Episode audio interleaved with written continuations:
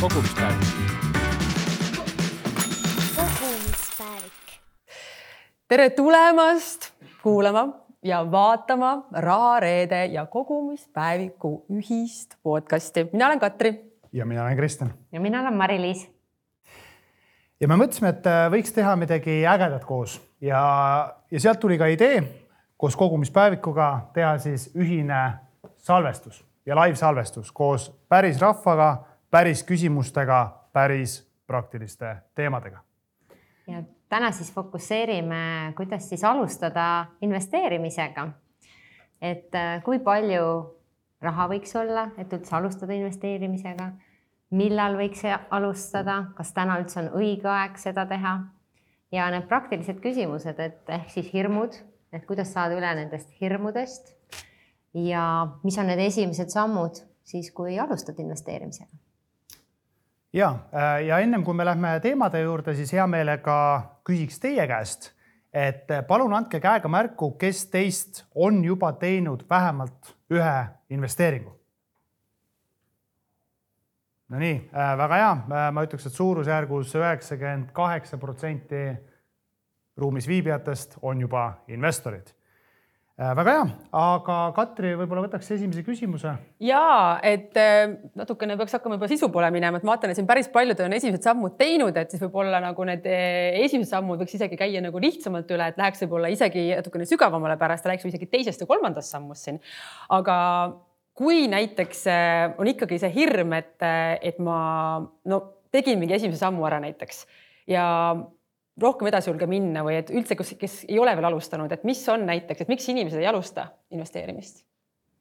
ma arvan, esimene asi ongi see, et äh, tekib tunne, et mul on palju raha selleks vaja, et alustada, et äh, paljud inimesed ei tea, et isegi ühe euroga saab alustada. siis ma arvan, et needsamad hirmud, millest me kindlasti hiljem ka räägime. ja oskate te midagi veel öelda, lisada? Et näiteks, et kas sa võtad käega märku anda, et kelle esimene investeering on olnud alla saja euro?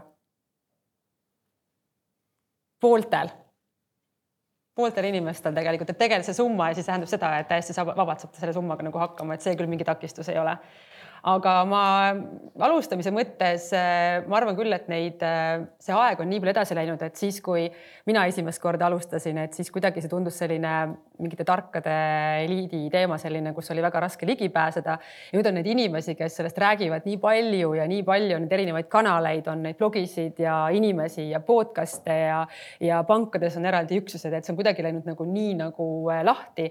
et pigem võib-olla ma näen seda, et on tekkinud mingi natukene isegi uus oht, kui ma võin niimoodi niimoodi öelda, et võib-olla, et äh, kas see informatsioon, mida me saame alati on nagu adekvaatne sest et noh, vahel on selline tunne, et kõik tahavad ju midagi õpetada. aga mis aastal sa tegid esimese investeeringu? mina tegin aastal kaks tuhat kuus ja see läks muidugi pekki. aga selles mõttes ma õppisin sellest ja kõige tähtsam ongi see, et äh, mulle endale tundub, et sellest väikeste summadega ongi hea alustada, et kuna mina alustasin suurte summadega, siis mul läks nagu suured pekki aga kui ma oleksin väikeste summadega alustanud, siis mul oleks nagu vähem läinud, aga samas oli õppetund seda nagu suurem. nii, ma vaatan kohe, et äh, siin anonüümsed äh, kuulajad saatsid küsimuse, et äh, kuidas siis alustada investeerimist kohe suurte summadega, kust raha tuli? kust see raha tuli, kust see raha tuli? kust tuli see suur summa raha, mida kõik ootavad? lotovõit? ei. okei okay,. sa ei tea, et nagu rikas mees tuleb võtta endale Nonii kas Katri Telleri investeerimissoovitus number üks? ei, ma mõtlesin kusjuures, et sellest peaks eraldi episoodi tegema. Või ma ei tee nalja päriselt, sest et äh, räägitakse sellest, et see on nagu, et noh, vaata on need gold digger'id ja kõik on ju. mul on niisugune tunne, et gold digger'id ei oska tegelikult väga hästi seda asja. Et osad nagu, et sa saad mingi rikka mehe kokku, siis nad ostavad neid käekotte endale, saavad käevõrusid, on ju, et noh, mees petab, pärast toob käevõru, kõik on jälle hästi, on ju et noh, siis jälle nagu on nagu, et ei tea, on ju, midagi noh, ei näe. aga tegelikult, kui samal ajal kogu aeg nagu targalt kasutada seda võimalust, siis on väga edukalt võimalik investeerimisega alustada, et me peaksime rääkima sellest mm.. nii, aga äkki soovitus lihtsatele inimestele, kellel ei ole seda esimest suurt rahasummat kohe, et kuidas siis väikeste summadega investeerimist alustada või, või kus siis minusugune lihtne Kristjan peaks peale hakkama? Kristjan on väga lihtne inimene Kristjan kasutab mõnikord sõnu, ma lõikan mõnikord podcast'ist välja selles mõttes, et kasutab selliseid sõnu, et ma ei saa hästi aru. ja siis äh, ma pärast pean kõik nagu välja lõikama need kohad, kus ma küsin, et mis see sõna tähendab.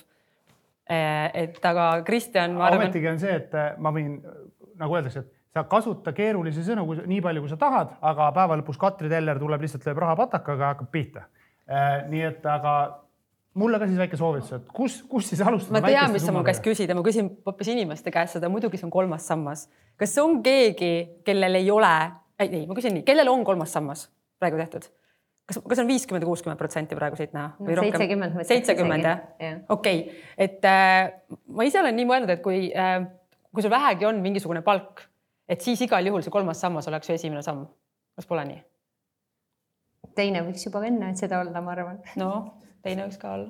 noh, puht finantsilisest vaatest see on äh, mõistlik lähenemine, aga ma arvan, et äh, nii nagu ei ole olemas ühte lähenemist äh, suhetele, ühte lähenemist elule, ühte lähenemist investeerimisele, siis tegelikult see on ikkagi natuke rätsepatöö ja sõltub väga erinevatest teguritest, alates sellest, mis on sinu investeerimishorisont, mis on sinu riskitaluvus, mis on sinu investeerimise eesmärgid, miks sa kõike seda üldse teed ja, ja kui need asjad on paigas, et noh, siis see kolmas sammas võib olla üks väike pusletükk, mis aitab sinu eesmärke täita. aga ütle mulle põhjus või äkki Mari-Liis, sina tead, et mis oleks see põhjus, et ma ei investeeriks kolmandasse sambasse? kui seal on. Äh, ainult see, kui sul ei ole maksustatavat tulu. ühesõnaga, kui sa oled ettevõtja ja võtad dividende näiteks. näiteks, kui sul ei ole maksustatavat tulu, siis sul ei ole mõtet seda kasutada. kas on mõni põhjus veel, kui sul on palk või sul on maksustatav tulu, kas siis on mõni põhjus, miks sa ei peaks panema kolmandasse sambasse, kui sa sealt saad tegelikult ju kahekohalise numbri rohkem tootlust? mul ei ole siin ühtegi põhjust. Kristjanil kindlasti on no ma tooks kohe ühe elulise näite, eluline näide Katri Teller, et ega kui sul ikka suur summa kohe nagu litaki visatakse kätte, eh, siis mida sa seda peenraha optimeerid seal, et eh, sest kolmandal sambal on väga selgelt eh, piirmäär on ees, maksimaalselt kuni kuus tuhat eurot aastas ja noh see instrument võib-olla minusugusele lihtsale inimesele, aga Katri Tellerile on hoopis teised instrumendid. no kes kopikat ei korja, sa tead küll seda. või mündimängust.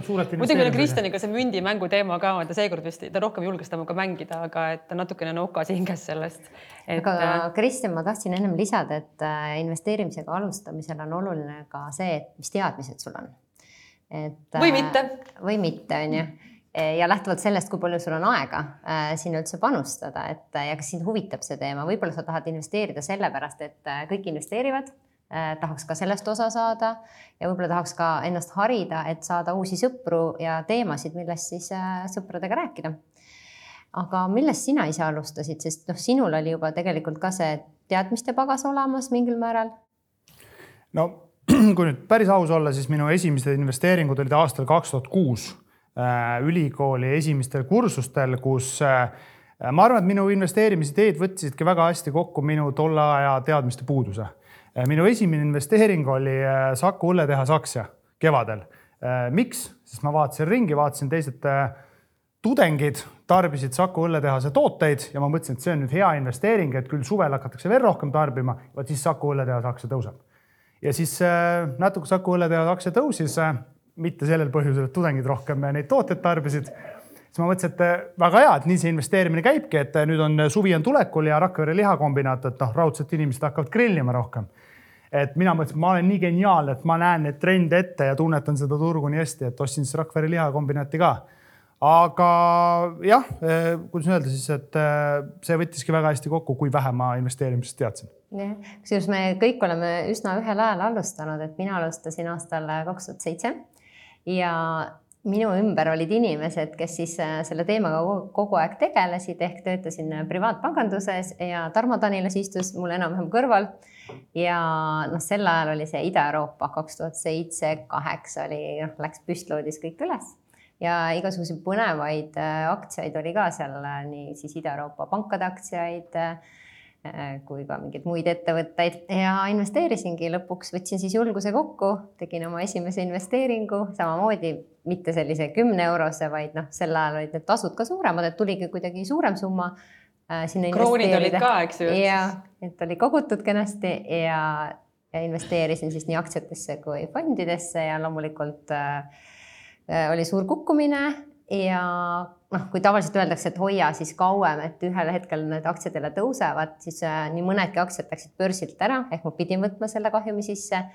ja noh, Ida-Euroopa üldse jäigi alla, et see enam kunagi ei tulnud sellist äh, ülestõusu, et äh, siis mingi hetk ma lihtsalt müüsin maha ja, ja ma tegelikult mitu aastat ei tahtnud ühtegi investeeringut teha, olin ka väikse lapsega kodus ja võib-olla see üks asi, mille üle ma olen uhke, ongi see, et mingi hetk ma võtsin selle julguse kokku, alustasin ja kusjuures siis ma hakkasin, alustasin jälle kolmandast sambast, hakkasin juurde raha lisama ja siis tulid edasi juba teised aktsiad ja võlakirjad ja fondid, aga just see, et seesama hirmust ülesaamine.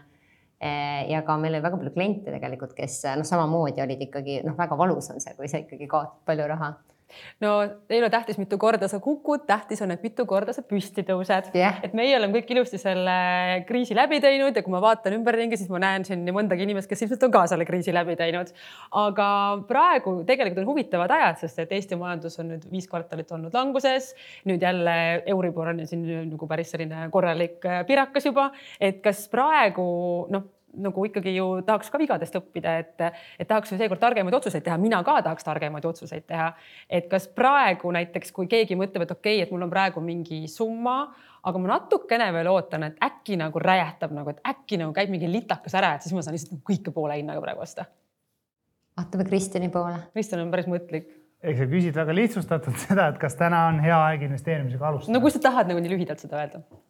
Äh, no mina ütlen, et äh, noh, klassi, klassikaliselt öeldakse, et alati on hea aeg investeerimisega alustada, veel parem aeg oli, eks ju, eile ja üleeile.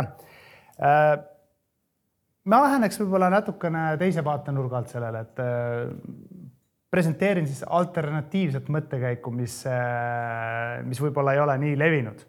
mina ütleks, et õige aeg investeerimisega alustada on siis, kui sa ise tunned, et on õige aeg. ehk sellepärast investeerimisega alustada kuna me Katriga saame hästi läbi, siis ma natuke võin provotseerida ka. Eh, see, et Katri Teller ütleb, et täna on hea aeg investeerida, ei peaks olema põhjus, miks sina investeerima hakkad. see, et naabrinaine sulle saunas ütleb, et kuule, et mina võtsin nüüd eh, siin hipodroomil, märkisin eh, neid robuseaktsiaid, et kas sa ei märkinudki või? mis sul viga on, et sa ei investeeri? see on tema investeerimistees, see ei ole sinu teekond, see ei ole sinu investeerimistees mina arvan, et õige aeg investeerimisega alustada, nii nagu õige aeg suhetega alustada, nii nagu õige aeg spordiga alustada, äh, tervisliku eluviisiga alustada, kui te seda juba ei tee, on siis, kui te ise tunnete, et te olete jõudnud elutsüklis sinna etappi, kus teil on tugev finantsiline kindlustunne, kus teil on säästud, meelerahufond ja teil jääb raha üle, mida te olete nõus viima finantsturgudele ja te rahulikult ilma emotsioonideta saate hakata investeerimisega pihta no aga mõni ei jõuagi mitte kunagi ju sinna, sest et, et nagu see on see homme hakkan õppima sinna. filosoofiline küsimus, kas kõik peavad investeerima?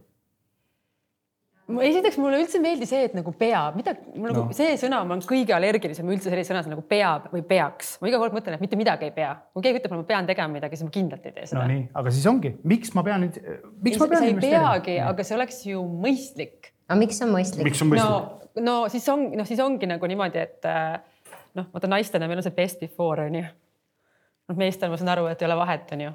ei natuke on vahet, kui sa rikas oleks, saaksid noorema pruudi võtta endale ja aga ei nojah, ega miljoniga tänapäeval midagi ei tee. aga nüüd sa pead nagu, sõltub, et kui palju sul raha on, et kui sa oled nagu, nagu keskmiselt jõukas, siis saad võtta kakskümmend aastat noorema pruudi ja kui oled nagu väga rikas, saad võtta nelikümmend aastat noorema pruudi. nagu et standardid on, et Katri, nagu, et see annab rohkem võimalusi. ei, see annab lihtsalt nagu, no ma ütlen ausalt, mina lihtsalt mõtlen, ma, ma ei taha sõlt-, ma mõtlen ikkagi selle vanaduse peale kogu aeg nagu positiivses mõttes, sest kui ma lihtsalt vaatan näiteks, kui ma reisin või kui ma isegi Eestis vaatan, kes on need turistid, kes tulevad sellised hästi lõbusad inimesed, kes on sellised nagu nad naeratavad, neil on sellised pigem nagu need naerukortsud ja nad hästi nagu rõõmsad ja nad käivad ringi niimoodi koos ja nad on nagu tegelikult nagu päris nagu, nagu juba neil on iga, aga nad nagu naudivad elu, siis ma mõtlen, et nagu ma ei taha olla selles kohas, kus ma lihtsalt olen nagu vana, haige ja väsinud ja ma olen kuri sellepärast, et mu elu ei ole läinud niimoodi, nagu ta läks ja ma ei saa kuskile minna. Ja lõpuks ma lähen kurjaks ja keegi ei tahagi minuga rääkida, sest et ma olen kuri. Ja see on lihtsalt nagu ma arvan, et ei ole tore.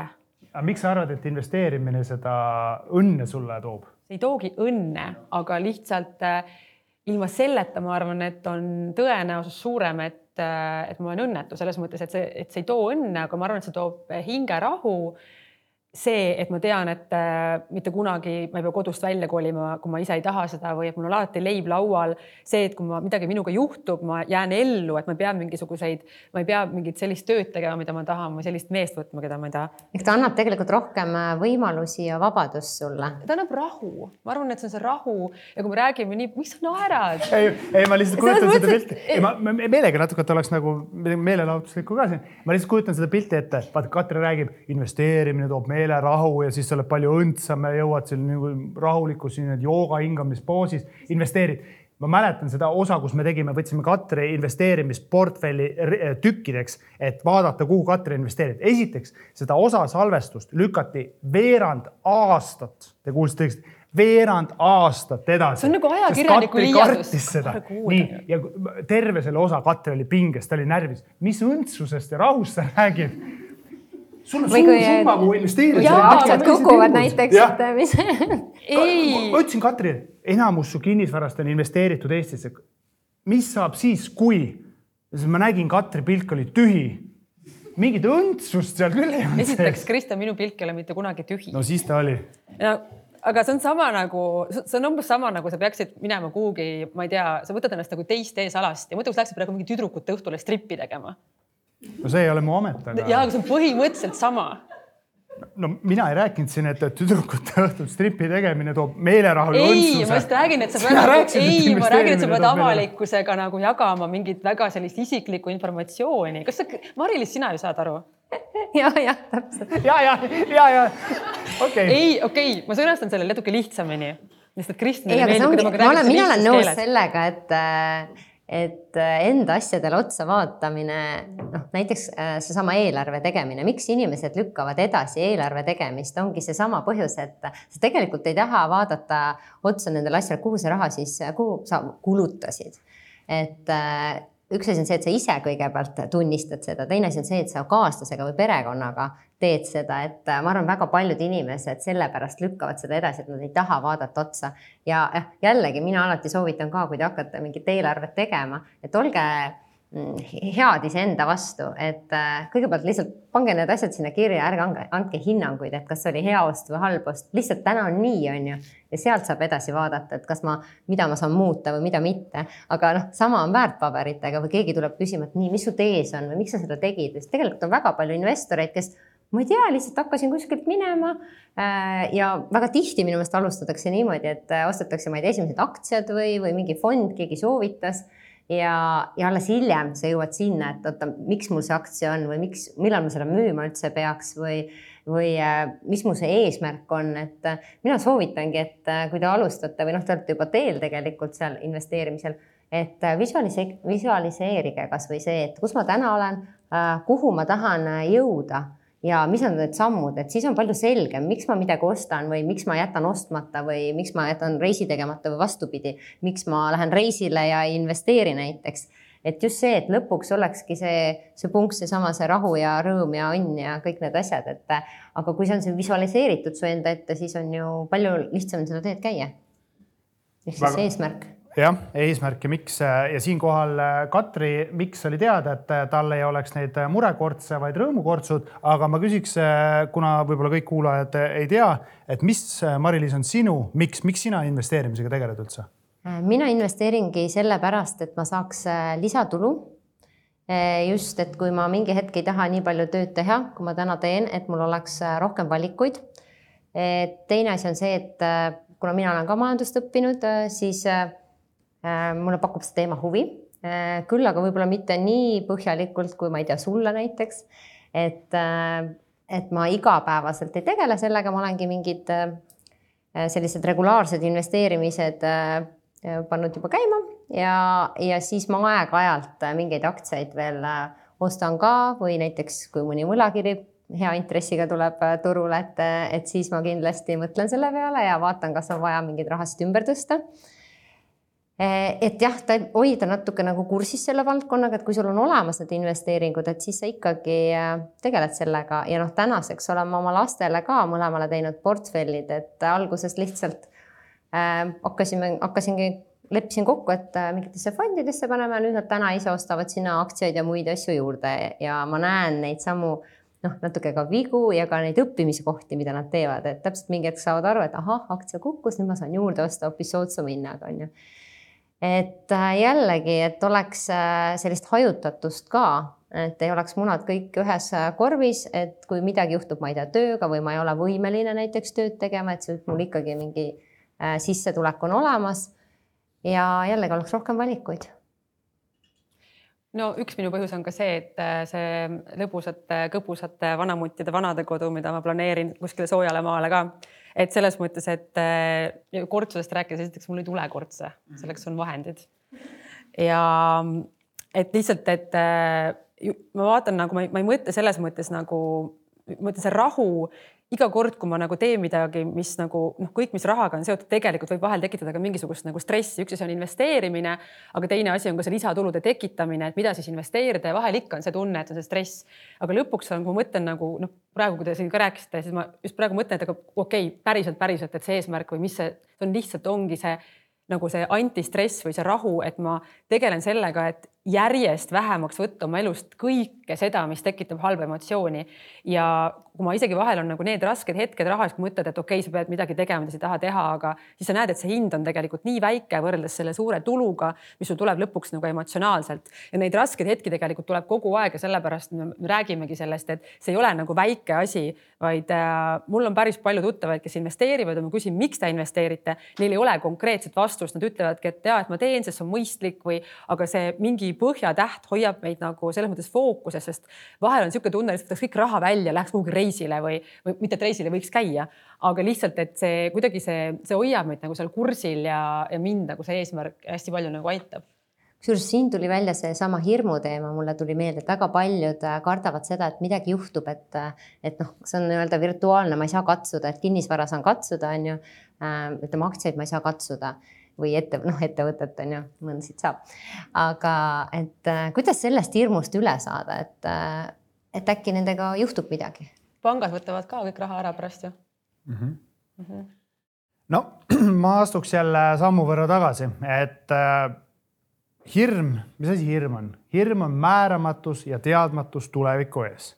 nii kui sa kardad investeerida aktsiatesse või võlakirjadesse või teistesse väärtpaberitesse, siis tasub küsida, miks mul see hirm on.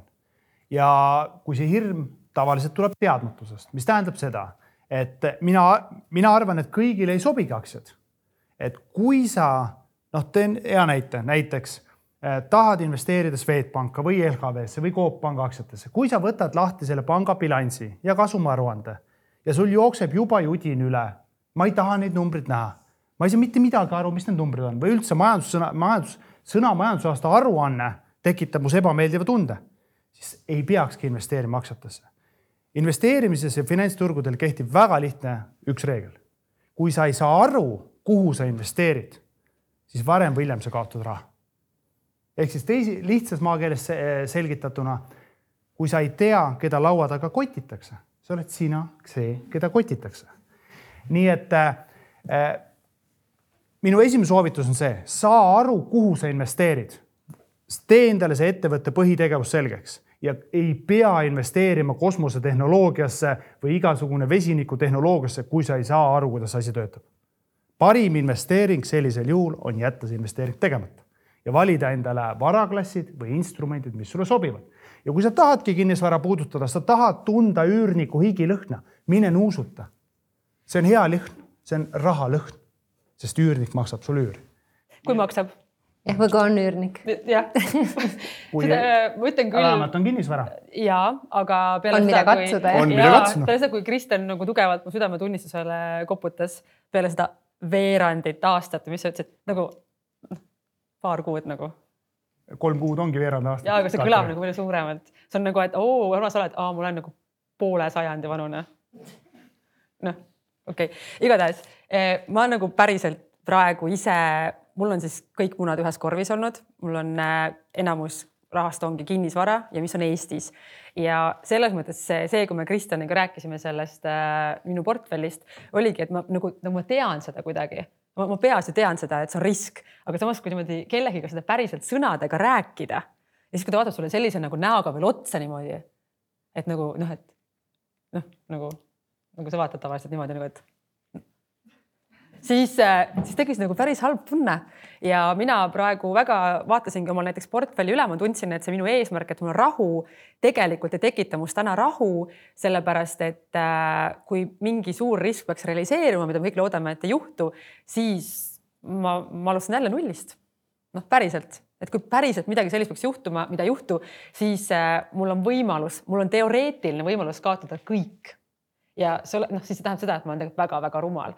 Ja ma praegu astungi nagu reaalseid samme selleks, et saada rahu läbi selle, et ma selle portfelli ikkagi ära hajutan, kuigi see on väga keeruline, sest et äh, ma pean sealt mingid objektid ära realiseerima ja ma arvan, et aktsiatega, väärtpaberitega üldse või nagu teiste instrumentidega see on natukene võib-olla see, see on natuke lihtsam, aga kinnisvaraga on ju see, et me kipume natukene oma kinnisvarasse armuma ikka on see, et noh, see on see korter, tegelikult sa hakkad endale nagu müüma seda, et tegelikult see on ikkagi päris heas asukohas ja noh, seal on nii hea üürnik sees olnud ja seda ei raatsi müüa, seda teist ei raatsi müüa, et see on noh, nagu raske on nagu. no see on sama paralleel tegelikult aktsiatega näiteks, et sa armud nendesse aktsiatesse. kuidas või... sa armud aktsiatesse? no armud niimoodi, et äh, sulle esiteks meeldib see ettevõte, äh, sa oled sinna raha sisse pannud, ta on näiteks äh, langenud ja sa noh võib isegi teada, et peaks selle võib-olla ära müüma, sest seal ei ole tulevikku näiteks, et see tees on noh muutunud, on ju. aga sa ei raatsi müüa, sa tahad, et no jõuaks ta vähemalt nullini, vot siis ma olen nõus müüma ja, ja võib-olla seda ei juhtu mitte kunagi, on ju. on seda juhtunud sinuga ka vahel? muidugi, need on äh, klassikalised käitumusliku rahanduse vead, ehk siis äh, noh, sa eelnevalt mainisid äh, enda kogemusest aastat kaks tuhat kuus, kaks tuhat seitse, kus sa ütlesid, noh, et peaks siis hoidma neid kaotavaid positsioone edasi ma ütleks, et see on kõige kallim viga, mida te finantsturgudel saate teha ja mida mina olen korduvalt teinud. tegemist on klassikalise käitumusliku rahanduse kõrvalekaldega, milleks on kaotuse vastumeelsus, mille puhul inimestel on soov mitte tunnistada ja tekitada seda kaotuse valu endale. selle tulemusena neid positsioone hoitakse edasi. kusjuures aga näiteks noortel on see teisiti, ma näen oma tütre pealt, et tema ütles, et mulle ei meeldi see miinus, ma müün selle maha et ta ei tahtnud näha seal lihtsalt punast, ta nägi neid ilusaid rohelisi ja siis ütles, et vot see mulle ei meeldi, siis ma mõtlesin, päris huvitav lähenemine on ju äh, ja, finantsiliselt tegelikult on mõistlikum see, et sa võitvatel positsioonidel lased joosta ja kaotused võtad kiiresti maha. aga ometigi investorid käituvad risti vastupidi. ja, ja noh, tegelikult äh, see soovitus, et hoia positsioone edasi, tegelikult ei ole hea. no kõik, kes on Baltika aktsionärid olnud või Arko Vara aktsionärid, palju õnne teile investeerisite IPO-st äh, pea üle kümne või mis iganes, pea, okei okay,, Arko Vara puhul pea vist kaksteist, kolmteist aastat tagasi. nii, ja kui te olete seda hoidnud, siis teil on üle üheksakümne viie protsendi varast on läinud. ma küsin, mida te olete hoidnud või miks te seda olete hoidnud edasi? Baltikaga samamoodi. no on juurdegi makstud ja Baltika on niisuguse negatiivse dividendiga aktsia, nagu nimetatakse naljaga pooleks, et eh, omanikud maksavad sinna kogu aeg peale juurde no aga see on nagu vaata nagu suhetega, et vaatad, et suhe on kehva, aga ära ei lähe, et äkki läheb paremaks ja siis sul kaaslane ütleb, et aga ma muutun. ja siis sa nagu ei taha seda kaotuse valu nagu vastu võtta ja siis lihtsalt jäädki sinna, aga tegelikult see tiksubki lõpuks miinus üheksakümmend viis protsenti. aga kui ära läheb, siis on miinus sada või? ei, no aga siis sa selle elimineerid selle nagu selle kaotuse ära ja siis võtad uue aktsia. tegelikult sa võtad see, sest noh, kui sa vaatad seda sellest vaatenurgast, et, et sul on alternatiiv tulu teenimise võimalus, eks sa realiseerid selle positsiooni ja paned selle kapitali mõnda muusse instrumenti, millest sa saad aru ja mis toodab sulle tulu, siis tegelikult see, see nii-öelda kaotus, mis jookseb, on veel topelt valusam aga kui see number jookseb seal mingi kaotus näiteks, kas, kas sinu jaoks on olemas ka mingi, kuidas sa teed seda otsust, et ma näen, et see aktsia on näiteks miinus kakskümmend protsenti ja siis ma ikkagi mõtlen, et aga äkki ta veel ikkagi tõuseb, praegu on rasked ajad, praegu segane, et ma ikkagi hoian, et kas sul on mingi number või sa vaatad siis ettevõtte, ettevõtte mingit jätkusuutlikkust, kui vana see ettevõte on või mis ta potentsiaal, mida sa vaatad, kui sa võtad selle kaotuse vastu? äkki ei juhtu mitte midagi, eriti finantsturgudel mm. -hmm. minul selles mõttes kõige paremini toimib see, et kui ma võtan üksikaktsiates positsioone ja ma ütlen etteruttavalt ära, see ei ole kindlasti koht, kus alustav investor võiks alustada. Üksikaktsiates positsioonides ma koostan investeerimisteesi ja panen paika selle üksikaksia puhul hinnasihi. nii, ma ütlen meelega välja, nii nagu on, eks te ise saate otsustada siis, kas te tahate seda protsessi ka sellist käia. kuidas see tee, kuidas ma seda teen? selleks, et see hinnasiht saada ma viin läbi ettevõtte finantsanalüüsi, horisontaalanalüüsi, vertikaalanalüüsi, suhtarvude analüüsi diskonteeritud rahavoogude meetodil ja lisaks võrreldavate suhtarvude meetodil, et saada teada ettevõtte õiglane väärtus. Ja vaata, siis on otsustamisprotsess väga lihtne. kui näiteks äh, Swedbanka õiglane väärtus võiks olla kakssada kolmkümmend sekki. tänane turuhind on kakssada kaks, ostan. kui turuhind on kakssada kaks täna, minu hinnangul ettevõtte õiglane väärtus on sada kaheksakümmend, siis ma müün. see, kui palju see mul miinuses on või plussis, ei mängi absoluutselt mingit rolli okei okay,, ma annan natuke lihtsama näite. näed, ma, ma lihtsalt lõpetan ära. juhul, kui see asi tundus liiga keeruline, ebameeldiv või valus, siis ei peakski üksikaktsiatega selliselt tegelema. aga samas ma jällegi arvan, et võiks nagu proovida, et vaata, kui me, noh, inimene nagu mõtleb, et hakkaks investeerima, hakkaks investeerima, et siis, kui sa selle esimese ostu ära teed, siis sa hakkadki õppima seesama dividend või miks nüüd tuli ja miks nüüd ei tulnud ja miks see hind pärast dividendi väljamaksmist näiteks kukkus, et ma ei tea, mina ikkagi soovitan, et proovida nende väikeste summadega, on see siis tõesti nagu fond või on see siis aktsia et sa saad, et sul tekib üldse see huvi või, või seesama, et põhjus, miks näiteks Kristjanile kirjutada ja küsida, et kuule, et mis nüüd edasi saab, on ju, või miks või miks see nii on või miks mitte, et miks need miksid üldse noh, tulevad, on ju. aga mis sinu vara, vabandust? ei, ma lihtsalt, see on nii äge diskussioon, see on tüüpiline diskussioon, mida mul ka tudengitega väga palju on. ma olen nõus selle mõttekäiguga, aga ma arvan, et siin on väga oluline eristada, kas sinu eesmärk on oma varade kasvatamine maksimaalselt optimaalse riskitulu suhtega või kogemuste, teadmiste omandamine läbi selle, et sa proovid ja katsetad või meelelahutus, mida, kui sa inimestega suhtled, siis väga paljude jaoks investeerimine on meelelahutus. äge on vaadata, kuidas aktsiahinnad liiguvad, tunda mingeid emotsioone ja tundeid, mida ma võib-olla muidu elus ei saa. aga need on väga erinevad asjad. meelelahutuslikul eesmärgil investeerimine, noh, tegelikult on väga palju muid viise, kuidas meelelahutust saada Äh, õppimise kontekstis ma olen nõus, äh, väikeste summadega katsetamine, proovimine, äh, see on see, mis tegelikult viib edasi, aga seal tulebki aru saada, et see, kuidas öelda siis kooliraha on sinna sisse arvestatud siis. et kui sinu eesmärk on ikkagi kapitali kasvatada kõige efektiivsemalt, siis on selleks võib-olla alustades teised in instrumendid. ja, ja võib-olla siin on hästi hea ka meelde tuletada, et äh, kui sa hakkad investeerima, et see ajahorisondi mõte, et kui sa, ma ei tea, tahadki aasta pärast osta omale kodu ja selline omafinantseeringu raha äh, kogud sinna vaikselt ja investeerid kogu aeg, et äh, siis pigem mitte. Et siis juba pane hoiusele see raha aastaks, sest aastaga võib noh, neid liikumisi olla nii üles kui alla, et pigem võiks olla nagu pikaajalisem. aga millised varakrassi, varakrassid, varaklassid, varakrassid, klassid millised varaklassid sinul on? Äh, minul on äh, aktsiaid, üksikaktsiaid, mul, mul on fonde, äh, siis mul on võlakirjasid ja ka kinnisvara. aga kas sul on lemmikvaraklass ka näiteks, et sulle meeldib just nagu nagu ma saan aru, et see on hajutatud, aga sulle nagu meeldib vaadata või jälgida või õppida mingi varaklassi kohta rohkem ka kui teiste? täna on seda õppimist on muudes valdkondades palju rohkem et ma tunnen, et ajaliselt, noh, see ongi see aja küsimus, et kui palju mul on äh, aega sinna panustada. kui mina tunnen, et mul ei ole aega kõiki neid aruandeid lugeda, siis ma, ma ei osta lihtsalt äh, aktsiaid juurde, mul need, mis on, need on, mulle meeldivad ja on omad põhjused, miks nad mul on. aga siis ma pigem võtan sellise mingi sektori, ähm, kuhu mulle tundub, et äh, ma usun sellesse või ma, või ma tahangi näha, kuidas see asi seal liigub et pigem täna ma olen, ütleme siis passiivsem aga Kristjan, kas sina oled teinud oma portfellis praegu just nüüd selle majanduse pärast väga konkreetseid samme? noh, küsimus ongi, et mis on see nagu suur mõju, et äh, noh, ütleme olulisi tegureid või, või olulist varaklasside vahelist muutumist ei ole olnud. küll aga on kippunud äh, minema nii, et äh, noh, minu hinnangul tegelikult on praegusel hetkel, arvestades majanduse väljavaateid, finantsturud pigem ülehinnatud laiapõhjaliselt, vaadates erinevaid suhtarve. seega silmad kinni lihtsalt äh, laiapõhjalisele turgudele ma ei investeeri. aga ütleme nii, et sul on kümme tuhat kümme tuhat eurot vaba raha, kas sa ootad või sa paned selle nagu kus, kuhu praegu sina paneksid praegu? Enda tees. ma saan aru, küsid, okei okay,, konkreetne küsimus, äh, mis meil ikka pikka asja ma lihtsalt ütlen disclaimer ette, et äh, kõik, kõik, mis me siin muidugi räägime, ei tohi käsitleda seda investeerimissoovitusena, ärge kindlasti sinna raha pange, kuhu ma nüüd ütlen. Äh, ja see lihtsalt on üks hariduslik näide, kuhu siis väikeinvestor, lihtne inimene Kristjan oma raha paneks. mina märgiks LHV võlakirju. aga kui sa saad ainult kaks tükki, mis sa siis teed? siis äh, Ülejäänud raha, kui ülejäänud 8000 raha, mis tagasi tuleb, siis ma pean hakkama edasi toimetama. nii ja mis sa teed siis?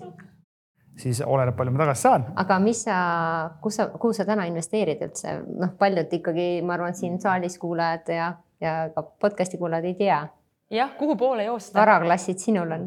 no mul on suurusjärgus kakskümmend protsenti portfellist on kinnisvara äh, suurusjärgus äh, pea nelikümmend protsenti on äh, aktsiad ja omakapitali instrumendid ja suurusjärgus seal ütleme kolmkümmend seitse, kolmkümmend kaheksa protsenti on siis võlakirjad ja laenud. ja noh, see ongi väga individuaalne ja minule sobiv portfell. aktsia, aktsiatest valdav või suur osa on investeeritud kahte sektorisse, milleks on siis finantssektor ja tehnoloogiasektor. Neid positsioone olen ma kokku ostnud alates aastast kaks tuhat kakskümmend kevadest. sellel hetkel mul oli portfellist umbes kaks protsenti investeeritud aktsiatesse, täna on see juba oluliselt suurem ja miks? põhjus on väga lihtne, noh, siin slaide muidugi näidata ei saa, aga üle majandustsüklite kõige kõrgemat nominaalset ja riski korrigeeritud tootlust näitavad tehnoloogiasektor ja finantssektor. finantssektorile muidugi viimasel aastal on kõva pärituul tagant olnud ka kõrge Euribor ja noh, mõnes mõttes finantssektor tegeleb positiivsete probleemidega, et kasumid on nii suured, et mida nendega peale hakata. aga noh, nagu näha, siis poliitikutele suudab väga häid ideid maha müüa ja ja minul panga aktsionärina oli tore kuulda, et Kaja Kallas võidukalt tuli välja ja omanikutulule pakkus välja idee, et omanikud võiksid veel rohkem dividende välja võtta. aitäh, hea meelega võtan raha vastu. kuule, aga siit on väga hea jätkata, et meil tegelikult kogumispäeviku Insta grupis olid ka mõned küsimused ja üks küsimus on, et mis, milline on olnud teie parim ja halvim finantsotsus kõige halvem äh, finantsotsus on äh, ilma lepinguta laenu andmine ja eriti kui tegemist on äh, lähedase inimesega. et siis on nagu two in one, et saad tülli minna, kaotad selle inimese ja tegelikult on väga palju peavalu, sest et ma olen näinud, et seda viga tegelikult teevad päris paljud mul on ka paar sõbrannat, kes lihtsalt nagu on laenanud, pole raha tagasi saanud ja siis nad kuidagi alguses ei taha küsida. Pärast, kui nad juba küsima hakkavad, ei tea, kuidas küsida, et äh, ükskõik kui lähedane inimene on, lihtne paber, et sellise hästi lihtsa paberi võiks ikkagi teha et tänapäeval see digiallkirja lisamine ei ole suur asi, isegi võib-olla pole vaja sinna panna, noh, kasvõi kui pole tähtaega või mida iganes, aga lihtsalt, et see fikseeritud, et selline asi nagu päriselt on toimunud. ja tegelikult ka pangaülekandes vist on nii, et on võimalik äh,. märkida. jah, panna, et see on laen, et mitte mhm. ülekanne, vaid pannagi märkida ära, et see on laen. et ma ütlen, et selle ork, orki ma näen, et väga paljud astuvad ja see on võib-olla mulle olnud võib-olla kõige suurema mõjuga, sest et seal olid suured summad aga lihtsalt natukene olin ka niimoodi ära timistatud, ütleme nii sellel hetkel. et äh, rohkem seda viga ei tee, aga see on olnud kindlasti kõige suurem. äkki see oli ühtlasi parim, parim finantsotsus, et äh, Õppisid. juhul, kui vastaspooleks oli siis äh, ütleme elukaaslane, kellega koos ei tahtnud olla, et siis said rahast lahti ja kaaslasest ka lahti sain jah see on see kaotuse valu, kaotuse ja. elimineerimine või mis selle kohta oli see, et. Äh, cut your losses. jah, cut your losses, et põhimõtteliselt, et noh, seal, et see, see võib-olla tõesti on kõige sellisem, aga ma ütlen, et see on selline asi, et kõik sellised vead õpetavad, aga lihtsalt on hea teha need vead natuke väiksemate summadega alati et äh, aga kõik, mis puudutab noh, üldse muidugi inimsuhteid, et ma võiks jäädagi rääkima, aga kõik, et sellised asjad ma mäletan kas see oli vist Nelli Hanson, kes ütles nagu, et, et miks talle aktsiad meeldivad, on ka nagu see, et, aktsiatega on lihtne, et nagu või numbritega on lihtne, nad ei valeta või nad ei, et numbrid on numbrid, nad on ausad selles mõttes, et noh, sa näed, mis sealt nagu tuleb, sa näed, mis sealt, kõik on nagu aus, et seal ei ole nagu mingit elementi vahel, et, et kui sa Äh, kui sa tegeled asjadega, kus saab midagi ilustada või midagi kokku valetada, et siis on alati mingisugune faktor nagu juures. statistika. no, noh, statistika teeb ka suur vale, eks ju. aga et ma ise jah proovin kuidagi hästi nagu läbi vaadata nüüd asjade, et, äh, et see nagu Kristjan ka ütles, et ei tasu investeerida mitte kuhugi sinna kohta, kus sa kõige paremini aru ei saa, siis miks kinnisvara mulle on olnud turvaline, on just seetõttu, et mulle endale tundub, ma saan sellest väga hästi aru ja ma ei ole tahtnud nagu nii väga torkida neid teisi asju, aga samal ajal ma kõige rohkem olen õppinud siis, kui ma võtan selle uue asja ja lihtsalt siis ma kui ma õpin teooriat, siis ma ei saa sellest nii hästi aru, aga kui ma oma nahk on mängus, siis tekib hoopis teistsugune motivatsioon. et sama asi nagu äh, kui ma käisin kooli kõrvalt ülikoolis, et kool ja ülikool koos oli kuidagi palju kasulikum kui ülikool eraldi, sest et siis ma sain nagu kooli töid teha nagu siis ettevõtte põhjal ja vastupidi, et eh, kasutada neid teadmisi, et see on natuke ju mis sa mõtled kool ülikool koos, sa mõtled töö ja? jah, et nagu töö ajal käia nagu koolis ah,, et okay,, et just, et sa saad tegelikult nagu siis ju koolitöödes kasutada kogu aeg neid asju, mida sa pead nagu nii tegema. just ja vastupidi, et, et kui ma käisin, ma käisin siis kaks korda koolis, et alguses ühe korra ma siis jätsin pooleli, et siis esimene kord, kui ma noh, oli kuidagi nagu teistmoodi, et see noh, ma kuidagi ei saanud nii palju rakendada seal. nii, oota, aga parim otsus parim või me otsus, lõpetasime selle juba ma ütlen ausalt, ma tean, Kristjan jälle hakkab nagu kätega vehkima, kui ma ütlen seda, aga ma jälle nagu ma veis kogu aeg. nojah, keegi ei Aga näe okei, praegu, sest me oleme praegu veel nagu meil ei ole videot.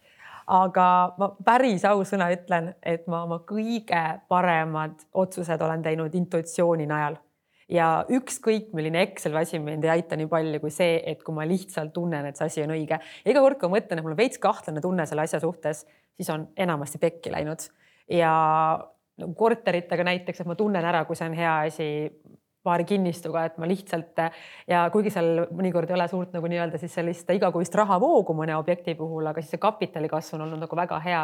Et äh, selles mõttes ma teen parimad otsused, aga ka halvemad, ma tean, sa muigad juba see suhteteema ja see laenu andmine ja vedasalt tunnistan. Nonii, Kristjan, sinul no ma arvan, parim finantsiline otsus, et ma arvan, et siin ei ole mõtet neid üksikuid positsioone hakata ette lugema, et äh, ma arvan, parim, parim finantsiline os, öö, otsus on olnud äh, investeerida oma teadmistesse, oskustesse ja kompetentsidesse, mis äh, minu hinnangul äh, on igavesed. ehk siis äh, noh, mõnes mõttes on väga lihtne, et te võite võtta mult kogu minu äh, finantskapitali rahakontodelt, kinnisvarad ja nii edasi, aga te ei saa mitte kunagi võtta mult teadmisi, oskusi, millega ma saan selle uuesti kõik üles ehitada. ehk siis äh, jah, parim investeering on olnud äh, omandada neid erialaseid teadmisi, kogemusi, õppetunde ja ja need siis talletada ja turgudele viia. ka halvim? halvim äh,, finantsiliselt äh, halvimaid äh, neid nii-öelda miinus üheksakümneseid protsendi Ekspress Grupp äh,, Etalam varahaldus miinus üheksakümmend kaheksa protsenti startup ettevõtted, mis tänaseks on kõik õhku lennanud. et neid, neid võib ka siin lõputult ette lugeda. aga, aga kui üks halvim, ma ei tea, ma arvan, üks halvim otsus finantsiliselt on see, et ma koolis ei küsinud õpetajatelt varem, et äh, miks mul on vaja seda matemaatikat, miks mul on vaja seda kõike, mida te kaksteist aastat iga jumalamaa päev mulle räägite. ma ei küsinud küsimusi, miks ma küsisin, aga mind visati välja. nojah, mis tähendab, et ma tegelikult äh, kulutasin väga palju väärtuslikku ressurssi, ma ei loonud omavahel seoseid ja ma pidin kogu selle asja lahti mõtestama pärast hiljem oluliselt kiiremini ja see oli väga ajamahukas. Kristjan on muide valitud Eesti kolme parima õppejõu sekka ehk ma küsiks siis tegelikult äh, enne, kui me küsime Mari-Liisi käest, mis tema kõige suuremad vead on, et kas äh, nüüd õppejõuna, kas sa kuidagi siis teed ka nii, et sa kohe esimesena hakkad selgitama, et äh, teil on sellepärast vaja seda, et või kas see tundub, et õpetajad teevad seda täna? ma arvan, et ei tee, aga ma selles mõttes võin öelda küll, et kuna semester uuesti algas, siis need ained, mis ma annan, rahanduse alused, investeeringute analüüs ja eraisiku rahandus, need kuussada tudengit, kes seal siis käivad kokku, ma olen tulnudki neile ette öelnud, et kõige olulisem asi, mis teil on vaja selgeks saada, on miks. küsige endalt, miks te siin täna olete ja kui te ei ole head vastust, küsige õppejõult, miks me õpime raha aja väärtust ja kui õppejõud ei oska ka vastata ja kui sa ise ei saa aru, miks sa siin oled, siis parim, mis sa saad teha, on tõusta püsti ja minna tegeleda asjadega, mis sul päriselt väärtust loovad. sa tead, miks juba? jah, ja jah, ja, ja noh, tegelikult äh, tudengitega selles mõttes ma, ma arvan, ma jah, ei ole traditsiooniline õppejõud, ma teen seda asja hoopis teistmoodi. minu valu oli see, et ma käisin üksteist aastat ülikoolis ja mitte keegi ei õpetanud mulle neid asju, mida praktikas turgudel on vaja ja siis ma sain nii pahaseks selle peale, et ma ütlesin, okei okay,, kui keegi seda asja ei tee, siis ma olen ise, panen käed külge, teen selle asja ära. ja, ja mina õpetan hoopis teistmoodi, mina ütlen tudengitele, et mi, jah, meil on mingisugune agenda siin ees, aga tegelikult disainite teie selle kursuse ja loengu. Teie oma küsimuste, kogemuslugudega, mõtetega liigutate just sinna mind, kuhu te tahate ja kus teil kõige rohkem on vaja. ja mina olen kõigest ainult tõlk teie ja finantsmaailma vahel. kasutage ära mind enda jaoks. ja nüüd läks ja siis saab pihta. super, sa tõid nii hea asja siin ka vahepeal välja, et, et just see, et, et sa ei saa, et kui mingi, keegi ei oska sulle seletada, miks sul midagi vaja on või sa ei saa aru millestki või mingi asi on puudu, et see natukene ka ettevõtlusega tegelikult seotud, et kõik sellised asjad loovad nagu võimalusi ka teenida mingit lisaraha.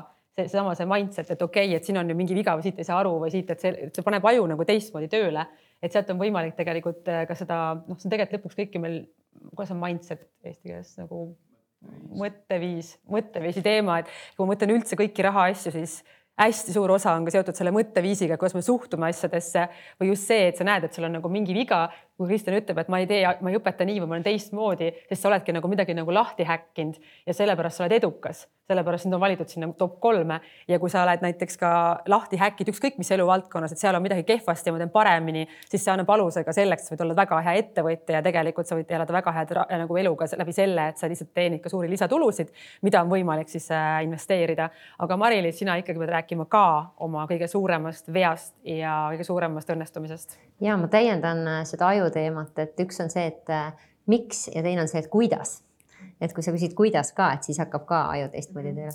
aga ma arvan, et minu äh, parim investeering on täpselt sama haridusse ikkagi. ma teadsin, et mulle väga meeldis matemaatika ja ma tahan minna majandust õppima ja siiamaani olen rahul sellega ja teine võib-olla oli see, kui ma kaks tuhat kaheksa ostsin omale kodu et jälle kuidagi ajastus oli väga hea. Ja mm, võib-olla nendest ebaõnnestumistest ma tegelikult juba rääkisin, seesama investeering, mis sai tehtud kaks tuhat seitse. ja võib-olla see, mis seal, seal mul ei ole kahju sellest, et ma tegin selle esimese investeeringu, aga mul on kahju, et ma tegin jällegi natuke suuremas summas et noh, siit on jällegi teistpidi see õppetund, et äh, parem alustada väikeste summadega, et jällegi, kui need kaotused tulevad, et siis äh, ei ole need nii valusad ja, ja võib-olla sealt äh, on mul hästi hea meel, et ma pärast seda ikkagi alustasin jällegi või jätkasin investeerimisega. ma ise vaatan ümberringi ja näen äh, päris, ma tean päris mitut inimest, kes peale seda siis eelmist äh, kriisi nagu andsidki lõpuks alla, et nad pettusid. aga see oli siis, et siis tegelikult oli nagu kõigil väga hästi, et mul üks töökaaslane rentis oma mingi Škoda välja ja rentis endale Lexuse ja nagu tööauto siis rentis välja. et kõik, kõik oli nagu väga hästi, näpud olid kõigil püsti ja, ja inimesed ei saanudki vahel aru, et nad teevad, sest raha tuli nii lihtsalt. see oli nii, et ükskõik, mis sa tegid, et hakkasid mingit, äh, ostsid mingi korteri ja kohe korteri hind tõusis.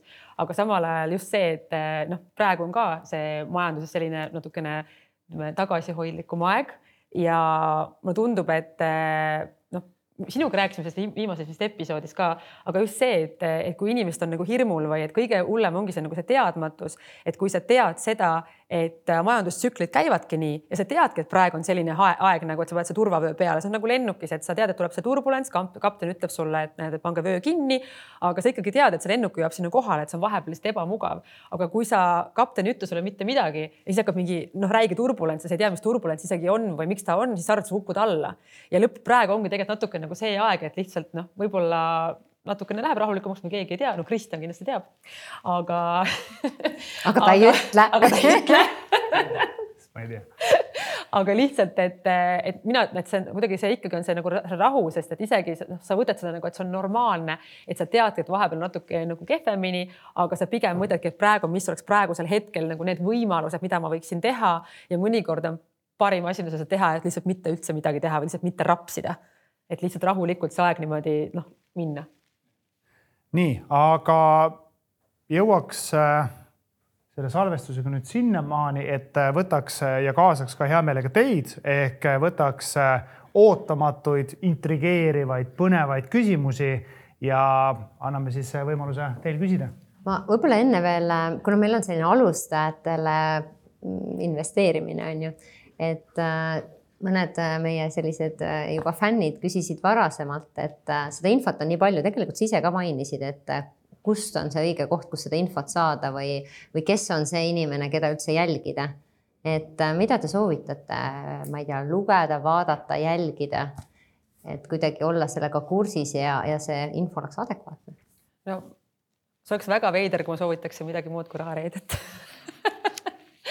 aga ma ei tea, ma, ma Kristjan soovitab oma raamatut, eks ju? ja oi, seda ma tahtsin küll öelda, et, et raamatute poole pealt äh, mul on viimased pool aastat raamatute lugemisega olnud natukene kehvasti, aga Kristjani raamatud mul on kõik läbi lugenud ja see viimane ka siis äh, investeerimisedu meistriklass, et äh, neid Kristjani raamatuid siis ma väga-väga tõesti soovitan, sest et seal on nagu kolm raamatut ja need kõik reaalselt nagu seal käiakse kõik asjad nagu mustvalgelt väga lihtsalt läbi, et kui sa mitte millestki aru ei saa, hakkad lihtsalt järjest minema ja noh, see on võimatu mitte nagu aru saada.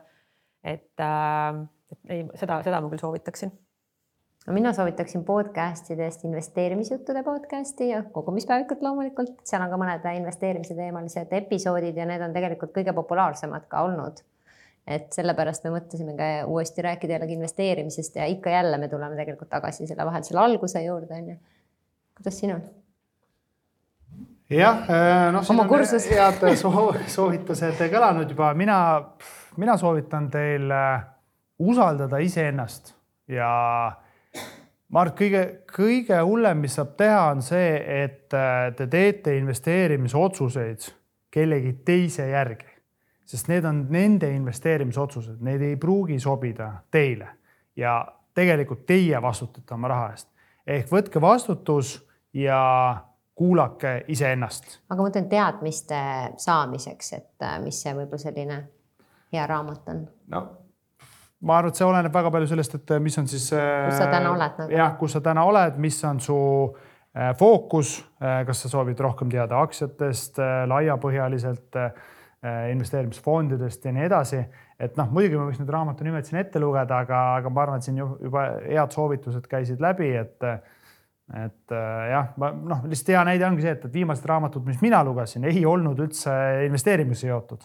Need on hoopis teised valdkonnad, mis tegelikult loovad niisuguse tugeva vundamendi või põhja äh, ka minule, et ma teeksin läbimõeldud, kaalutletud investeerimisotsuseid ja head sõbrad on ka alati abiks, sest äh, nagu mu elus on reaalselt inimesi, kellega, kui ma vestlen, ma tunnen, et ma lihtsalt jään veidi rumalamaks.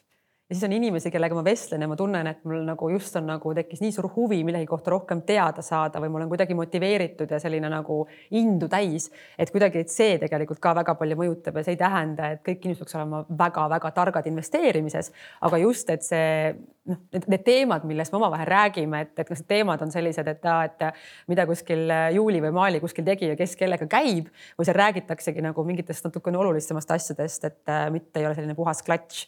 et ma noh, seda soovitan ka natukene jälgida, sest mõnikord me kipume oma ellu jätma mingeid inimesi sellepärast nagu kauaks, et me lihtsalt niimoodi oleme harjunud. jälle see cut your losses. noh, see on seesama sotsiaalmeedia teema ka, et äh, keda sa nagu jälgid, on ju, et vaata aeg-ajalt tee seda ülevaadet, et äh, mõned inimesed lihtsalt eemaldada, et see, kes sind noh, teisele teele tegelikult. ja algoritm hakkab ka ju tegelikult sotsiaalmeedias niimoodi tööle, et see, et kellega sa jälgid, mida sa teed, et ta hakkab sulle lõpuks viskama sedasama teemat sinna järjest sisse ehk lõpuks sina näed hoopis teistsugust sisu, mida näeb keegi teine just vastavalt sellele, kuidas sina oled näidanud, et mis on sinu eelistused. et sama asi, miks on praegu poliitiliselt kõik nii pekkis, sest et nagu inimesed usuvadki erinevaid asju, neil ongi need alternatiivsed faktid, sest nad näevadki teistsugust sisu. aga noh, see on juba muidugi teine teema. nii, aga võtame küsimuse siis nii, mul oli küsimus nii Kristjanile kui äh, Katrile, aga Kristjan põhimõtteliselt vastas juba ära küsimusele selle, et kuhu LHV võlakirjade märkimise kohta, et äh, selle soovituse sain kätte. aga siis äh, Katrile on selline küsimus, et ma olen nüüd kõiki Rahareede episoode kuulnud ja minu arust ühest viimastest episoodidest sa rääk-, oli juttu sellest, et kui palju peaks olema igakuine eelarve ja kui palju sa tahad nagu seda vaba raha. ja teiste rahakotis on ikkagi huvitav surkida, et mul ei mahu pähe, kuhu läheb kümme tuhat eurot või viis tuhat eurot kuus, et, et sellistest summadest rääkides autot sul ei ole, on ju, riideid sa nüüd ei osta, kohvikus võib-olla iga päev ei käi, et kuhu sa paned selle raha? Aitäh. It costs a million to look like this ei, ma ei oska, ma ei, ma ei tea, ütleme niimoodi, et mul on ka omad miinused selles mõttes, et äh, mul vahel läheb natukene ostlemisega lappesse äh,. et mulle ja, ja kui ma praegu vaatan, et on, mul see elustiililiselt tegelikult äh, mul ei ole suuri, mul püsikulud hästi väikesed ja ma ütlen tõesti, et, äh, et mu tavalise elu peale läheb nagu väga vähe raha päriselt, et aga, aga mul on sellised nagu suuremad ootamatud kulud, et ma ostan mingisuguse, ma ei tea, mingisuguse kalli vidina või mingisuguse, no siis ma lähen, noh, praegu ma olin seal USA-s, ma arvan, et seal mul läks nagu noh, rahulikult see kümme tuhat tegelikult kokku ära, et see üks üritus oli see viis tuhat, ma läksin veel juurde. et selles mõttes, et, et need on mingid sellised nagu enamasti mingid siuksed kulud, mis on sellised mingi ühe potina. ma ostsin endale ühe koolituse praegu, mis maksis. jälle või? ei, see on. suvel sa ostsid kaks koolitust, mis maksis mingi paarkümmend tonni Äh, ühesõnaga, üks on seesama koolitus, aga ma alles nüüd lähen sinna, et, äh, et ma, ma ka investeerin oma teadmistesse, et see on oluline, et ma need ostud, kui ma mõtlen, et kuhu mul see raha kulub, need ei, need on ostud, mis ma ikkagi kui välja arvata mingisugused hilbud, millega natuke vahel jah, on läinud pahasti, siis äh, ikkagi ma mõtlen läbi, et äh, kas need on mulle nagu tulevikus kasulikud, et ka need koolitused näiteks, et, äh, et kaks suurt koolitust, mis ma ostsin, ma tegelikult tunnistan ausalt, et ma ühe koolituse tagastasin, sest et ma rääkisin oma õega, kes ütles mulle, et loll oled või aga mis koolitus oli lihtsalt huvi pärast, et? ma ei taha öelda. aga tegelikult see teine koolitus on sellepärast, et Kristjani kõrval paremini tunda on ju mis kallis hind. Ei, teine tegelikult äh, on, äh, mul on mingid asjad, mida ma tahan elus teha ja siis ma tahan nendest saada väga heaks, sest et mul on kogu aeg olnud siis see arvamus, et äh, kui sa tahad olla edukas milleski, siis tegelikult peab olema väga tugev fookus, pead selles konkreetses asjas väga heaks saama. ehk ma tean, milles ma tahan väga heaks saada ja ma sinna nagu panustan, aga lühike vastus su küsimusele on see, et mu püsikulud on hästi pisikesed, aga mul on siis selliseid suuremaid kulusid, mis lendavad sisse, et ma jagan kõik aasta peale ära siis see number on tunduvalt suurem, kui ma ise nagu mõnikord arvan, et oo, et mul ei ole autot ja ma restoranis ei käi. takso peale läheb rohkem? tead, ei lähe nii palju, ma käin nii palju jala, ma olen hull nagu jala kõndimise fänn, et ma, ma ei tea, ma pole, ma pole, pole kingi jalga pannud, ma ei tea väga,, väga-väga kaua aega, et, et ma ikkagi käin väga palju jala, et see on kuidagi. see oligi üks nipp teil tegelikult ka, mis ka kuulajate nipp oli minu meelest mm, -hmm. et käi jala, et üks tervis jälle pluss siis see, et hoida. ja ma mõtlen, et kui sa lähed autoga spordisaali, et seal lindi peal kõndida, et noh ma ei tea, et selles mõttes praegu ma elan linnas ja praegu ma tunnen, et ma olen kõige rohkem ahistatud just sellest, et mul ei ole head kohta, kus kõndida. et ma ise tunnen, et ma tahaks väga minna ära just selle mõttega, et saaks nagu olla looduses ja et eh, ei pea jah palju raha kuluma. nii läks pikalt, vabandust, järgmine. veel küsimusi? tere, mina olen Kaia, et äh, ma küsiksin selle alustamise kohta ikkagi äh, veel nii palju, et, et kui kõik soovitavad väikeste summadega alustada, kuidas me siis ma ei tea, paarikümne aasta pärast jõuan selle rahuni, et äh, mul on äh,, et ma ei peaks muretsema mingite asjade pärast, mulle tundub, et kui need väiksed summad, ma ei saa lõpuks suurt summat kokku näiteks või et see annaks mulle piisava rahavoo tulevikus, et ma ei peaks muretsema kuidas ma mingid arved saan tasutud või reisile mindud. aga kas sa oled mõelnud selle summa peale, et kust summast sul oleks nagu hingerahu, et kui palju sul näiteks kuus oleks sellised noh, nagu see rahavoog, et sul oleks siis hingerahu, summa oled välja mõelnud muidu või? No tänase päeva seisuga ma võin arvata jah, mingi summa, aga see ilmselt ju kahekümne aasta pärast ei päde enam. Mm, aga... tegelikult on see jumala õige minu meelest äh, küsimus, et äh, me soovitame küll, et noh, alusta kasvõi ühe euroga, aga sa ei saa oodata sealt äh, mingit sellist vaud on ju ja ma ei tea, muretut pensionipõlve, kui sa iga kuu ainult kümme eurot investeerid. alustamiseks väga hea, aga mingi hetk vaata, sa pead selle kuidagi vastavusse viima siis on ju jah, ma ütleks, et suurim müüt ja suurim pettumus, mis mul ka oli investeerimisega alustamises, oli see, investeerimine ei tee sind rikkaks.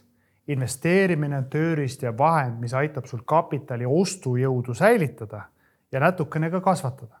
rikkaks päriselt saad sa siis, kui sa omadad omale teadmised, oskused ja kompetentsid, mida sul on võimalik võimalikult kõrge hinnaga kellelegi, kas oma tööandjale ettevõttele või lõpptarbijale maha müüa. ma lihtsalt ütlesin see ausalt välja, enamus keerutab ümber selle palava pudru, mõtleb, et ma nüüd investeerin ja panen siin tuhat eurot ja see teeb mu rikkaks, ei tee. finantsturgude ajalooline keskmine tootlus aktsiate varaklassis, mis on siis kõige kõrgem või no üks kõrgema riskiga varaklassidest, ajalooliselt umbes niisugune üheksa kuni üksteist protsenti. Noh, Excelis on väga lihtne liitintressi valemiga, lase see kümme protsenti jooksma, sa näed, sa, sa, sa ei jõua sinna minul Excel ütles, et Kristjan, sul läheb aega üle kahekümne aasta, et teenida passiivselt tuhat eurot kuus. ja siis ma sain aru, ma pean midagi tegema teistmoodi. ja vot siis ma hakkasin tegelema teistmoodi. aitäh, see on väga hea nipp või.... ma arvan, et see säästab sind oluliselt. Äh, see kiirendab sinu teekonda, mina, mul läks aega neli aastat, et sellest aru saada mina uskusin, et investeerimisega ma jõuan sinna, kust ma soovisin jõuda. ja teine asi on säästmisega, et me oleme sellest ka kaks episoodi nutikatest säästunippidest, et, et just paljud arvavad ka see, et mida rohkem ma, et kui ma säästan rohkem, aga lõpuks on see, et ka selle, selle lõputu säästmisega sa võib-olla lähed just nagu stressi, su elukvaliteet halveneb ja siis sa ka sinna väga ei jõua. et pigem, et need, et see raha kulutamine oleks mõistlik, et sul on rahaasjad kontrolli all aga lihtsalt, et lõpuks sa mõtled ka, et kuidas siis suurendada oma tulusid läbi selle, et sa kogud siis teadmisi ja tarkust ja kogemust ja kogu aeg nagu mõtled, okei okay,, kuidas edasi, kuidas edasi, milles ma tugev olen, mida ma saaksin teha. et see kõik nagu aitab, et see säästmine või siis nutikalt säästmine ja siis see, et sa investeerid. sest et kui sa jälle teed raha, aga seda ei investeeri, siis jälle noh, siis jälle noh, siis see inflatsioon ju sööb jälle kõik ära. kes veel tahab küsida? Kasutage seda võimalust, praegu on hea. praegu Katri käest võib kõike küsida. aitäh. ma küsiks teilt kõigilt kolmelt, et kui suur peaks olema meelerahufond, et see, kui mitme kuu kulude summa peaks olema kõrval, enne kui investeerimisega alustada, et see vundament oleks nagu paigas no,? Mari-Liis on meil ekspert no jah, võiks olla selline kolme kuni äh, kuue kuu puhver, aga kui ma mõtlen iseenda peale ja näiteks mul on äh, üürikinnisvara siis mul äh, sellega seoses on juba täitsa eraldi puhver, et kui mul on vaja seal mingit remonti teha või midagi juhtub, et mul oleks see raha võtta, et see on täitsa nagu hoian eraldi. Äh, lisaks sõltub jälle see, et äh, kui palju on näiteks teil lapsi või kellest te peate hoolt kandma, et kes sinust sõltub, sellest ka. kui ma ainult oleks üksi, siis tõenäoliselt oleks see väiksem, et noh, küll ma saan hakkama, onju. aga kui mul on lapsed ka, siis ma tean, mis need jooksvad kulud on, mis meie kodukulud on et, et sellest lähtuvalt siis äh, noh, vähemalt kuue kuu äh, puhver peaks olema. aga noh, ma ütlengi, elustiilid on erinevad, et jällegi võib-olla tahaks minna aastaks äh, kuhugi reisima või puhkama, on ju, siis jälle kogud natukene nagu suurema puhvri. ma ütleks nii, et minu jaoks on olnud elu muutev see hetk kui ma sain aru, et äh, ma rahaliselt vaba, et noh, nagu et see, et ma praegu seda puhverit mõtlen, seda meelerahufondi, kui ma mõtlen tagasi nüüd ajas, siis praegu mõtlen, et oh, ma tahaks, et see oleks võimalikult pikk, vähemalt aasta. aga siis ma lähen tagasi sinna, kus ma olin nagu kunagi, kui mul ei olnud ja mul oligi ainult palk, mis kuu lõpuks ära kulus ja siis tegelikult ma arvan, et see taandub väga palju sellele, et kui enesekindel sa oled, et mis perioodiga sa siis saad hakkama või leiad uue töö või et kui sa oled väga ebakindel ja see tekitab sinus ääretult palju stressi et siis võib-olla see võib olla okei kuus kuud, aga minul seda nagu iseenesest muret ei ole kunagi olnud, et ükskõik kui palju ma olen plähmerdunud, mul on see enesekindlus alati olnud, et ma lähen ja küsin. sest et kui ma mõtlen ka nagu neid töökohti, kuhu ma olen läinud, ma olen alati need töökohad endale ise küsinud. Et selles mõttes, et ma, et ma ei jää ootama. Ja selle koha pealt ma olen enesekindel, et kui midagi juhtuks, oleks väga ebameeldiv kindlasti, aga ma tean ka seda, et, et ma läheks kohe edasi ja ma, mul ei tekiks nagu seda stressi, et, et ma masenduksin ära aga samas, kui sul tekib selline stress, oled väga-väga ebakindel ja kardad, siis pigem võtta see aeg võimalikult pikk, sest siis läheb sinna ka, kui sa oled väga stressis, siis sa ei suuda ka võib-olla tegutseda kohe edasi, kui midagi väga lahvatab. võib-olla ka väärtpaberite mõttes, et kui sul on nad väga likviidsed, et noh, sa võib-olla hoiad mingi osa hoiadki rahas ja, ja mingi osa sa tead, et sa saad iga kell nagu välja võtta, et kui on vaja rohkem, aga Kristjan jah, ma arvan, ükskõik mis äh, numbrit ma sulle siin soovitaks äh, Äh, see oleks minu poolt väga meelevaldne, sest ma ei tea sinu tausta, ma ei tea sinu likviidsust, ma ei tea sinu elustiili. Äh, ma ütlen, et õige number kuudes mõõdetuna või õige rahasumma on see, millega sa ise tunned endal meelerahu, mis on selle asja eesmärk. Äh, see, kas see on tuhat eurot, viis tuhat eurot või kümme tuhat eurot, sõltub väga palju sinu elustiilist ja nendest eelnevatest teguritest, mida Katri ja Mari-Liis väga kenasti ütlesid. ma lihtsalt toon meele, toon meelega äh, provotseerivalt teistsuguse näite. ma arvan, mul kontol on praegu mingi tuhat eurot eraisiku kontol. Äh, jah, ettevõttes äh, istuvad suuremad summad. Äh, kui on vaja, siis ma muu, seda likviidsust nii-öelda siis tekitan ja liigutan seal eraisikule ka, kui on vaja. aga mul ongi, ma tean, et esiteks need väärtpaberid on väga likviidsed, rahavoog on sisuliselt kogu aeg stabiilselt, iga päev laekub midagi. ja, ja teiseks ongi, et mul ei ole mõtet mul ei ole mõtet eraisikuna seda raha seal suuri summasid lihtsalt kontol niisama hoida. ma alati naeran, kui Eesti Pank tuleb välja uuringutega, ütleb, et äh, paljud eestlased elavad äh, nii-öelda palgapäevast palgapäevani ja kontol on siin alla tuhande euro, siis ma naeran, et mina olen ka seal eraisikuna sealsamas kategoorias sees. et jah, aga see pilt tegelikult on hoopis teine ettevõttes nii, minu küsimus tuleb võib-olla natukene enda murest, aga ma arvan, et äh, meil kõigil on võib-olla vanavanemaid või sugulasi, kes on vanemad, kellel on elu jooksul kogunud äh, päris suur summa nii-öelda, kes hoiab seda võib-olla sukase ääres, sest et ta ei usalda pankasid, veel vähem usaldab investeerimisvõimalusi.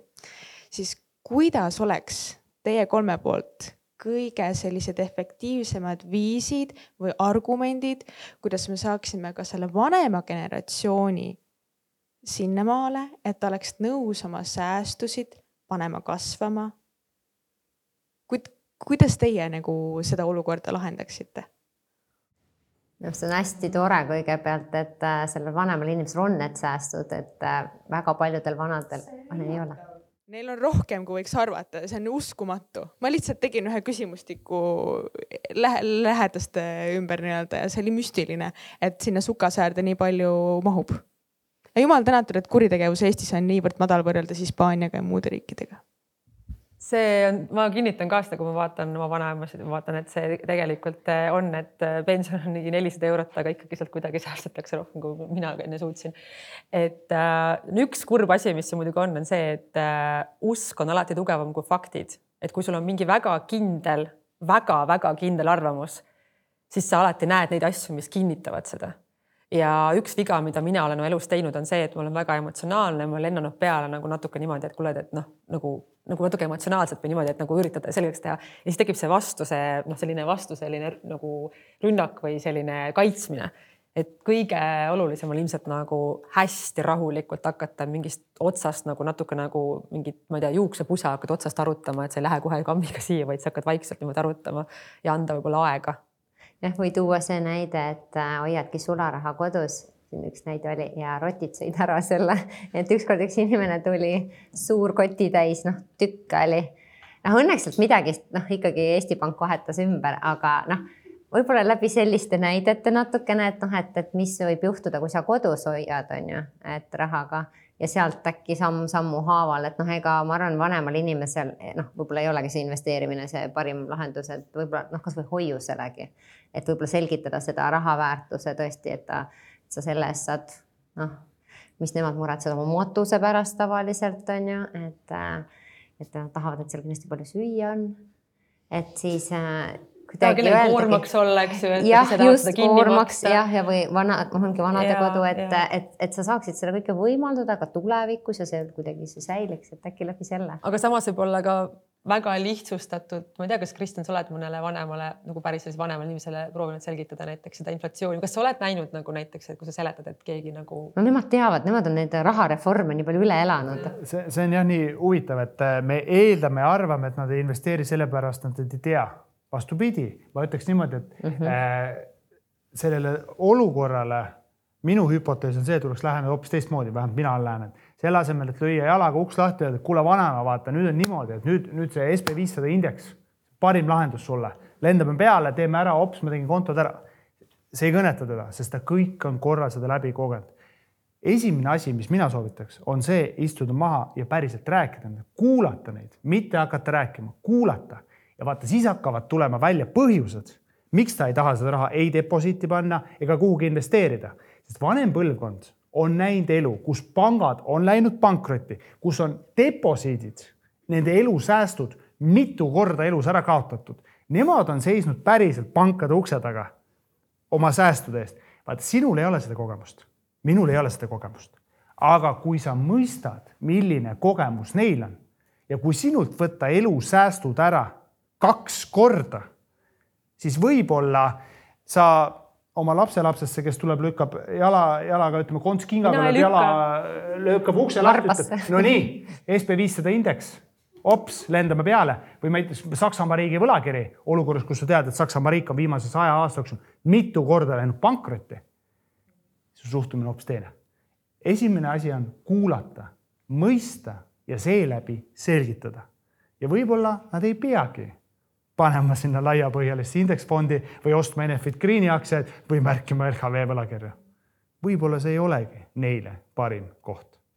Kui näiteks on asi tõesti nii hull, et on täitsa nagu sularahas, siis nagu see, see oli väga hea näide praegu, mis Kristjan tõi, et reaalselt on pangad läinud pankrotti, nad on päriselt oma rahast ilma jäänud, et siis, et see kuulamine ja see, et sa saad aru, et mis see täpselt see põhjus on, annabki võimaluse seda vastust välja tuua, näiteks praegu on ju eraisikute deposiit on ju tagatud ju sada 100 tuhat 000 eurot et, et igal juhul, mis iganes juhtub, sa selle sada tuhat eurot saad tagasi, et nad, et seda reeglit ju siis, kui nemad oma rahast kunagi ilma jäid, kõik seal mingi maapank ja kõik, mis seal olid kunagi, et siis nad ju, siis ei olnud seda sellist asja, et sa seda raha tagasi saad.